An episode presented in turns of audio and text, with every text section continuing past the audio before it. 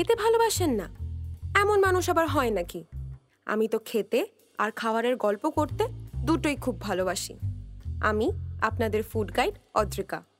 আমার সঙ্গে আপনারাও যদি বিভিন্ন ধরনের খাবারের স্বাদ পেতে চান লিস্ট তৈরি করে ফেলতে চান নেক্সট কোথায় কোন খাবারটা খেতে যাবেন, তাহলে মিস করবেন না কথকে প্রতি সপ্তাহে আমার সঙ্গে খানাপিনা। জিভে জল, কিছু মিছু। সন্ধে হলেই কেমন মুখরোচক কিছু মিছু খেতে ইচ্ছা করে। আর সেই মুখরোচকগুলো যদি হয় কলকাতার অলিতে গলিতে পাওয়া কিছু সুস্বাদু খাবার, তাহলে তো আর কোনো কথাই নেই। চলুন, আজকে সেই সব খাবার নিয়ে আপনাদের সাথে একটু গল্প করা যাক। প্রথমেই বলা যাক ঘটি গরম নিয়ে।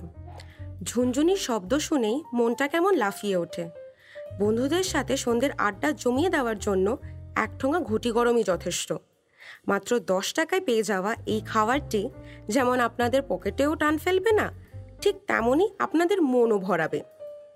এরপর চলে আসি আমাদের সকলের প্রিয় ফুচকাতে। আজকের দিনে দাঁড়িয়ে ফুচকার হাজার একটি ভ্যারিয়েশন বেরিয়ে গেছে। কিন্তু টক জল দিয়ে ফুচকা খাওয়ার আনন্দটা ঠিক আলাদাই। দশ টাকায় এই চার পাঁচ পিস পাওয়া ফুচকাগুলো অমৃতের থেকে কিছু কম না। তবে সেই টক জল যে কী জল ব্যবহার হয়, সেই রহস্য ভেদ করতে বোমকেশ অথবা ফেলুদার প্রয়োজন কিন্তু হতেই পারে। এখন বলব ঝালমুড়ির কথা।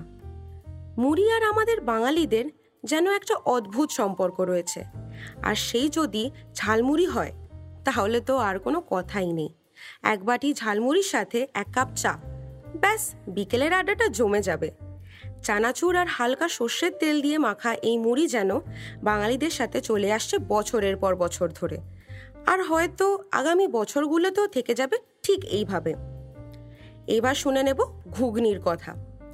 ঘুগনি আর ডিম সেদ্ধ খাইনি এমন বাঙালি খুব কমই আছে হয়তো। স্টেশনে দাঁড়িয়ে ট্রেনের অপেক্ষা করতে করতে প্রায় আপনারা খেয়েই থাকবেন এটি।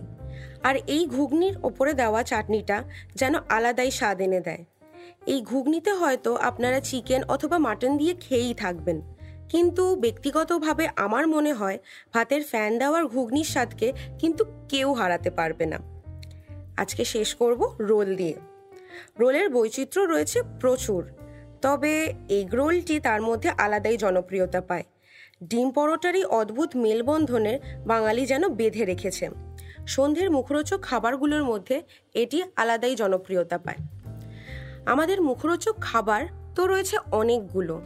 তার মধ্যে সময়ের কারণে তুলে ধরা হয়েছে মাত্র পাঁচটি। যেই নামগুলো আজকের তালিকায় উল্লেখ করা যায়নি, সেগুলো কিন্তু সমানভাবেই জনপ্রিয়। তাহলে আজকে কোনটা খাচ্ছেন আপনারা? যখন খাবেন, তখন আপনাদের ফুড গাইডকে কিন্তু মনে করতে ভুলবেন না।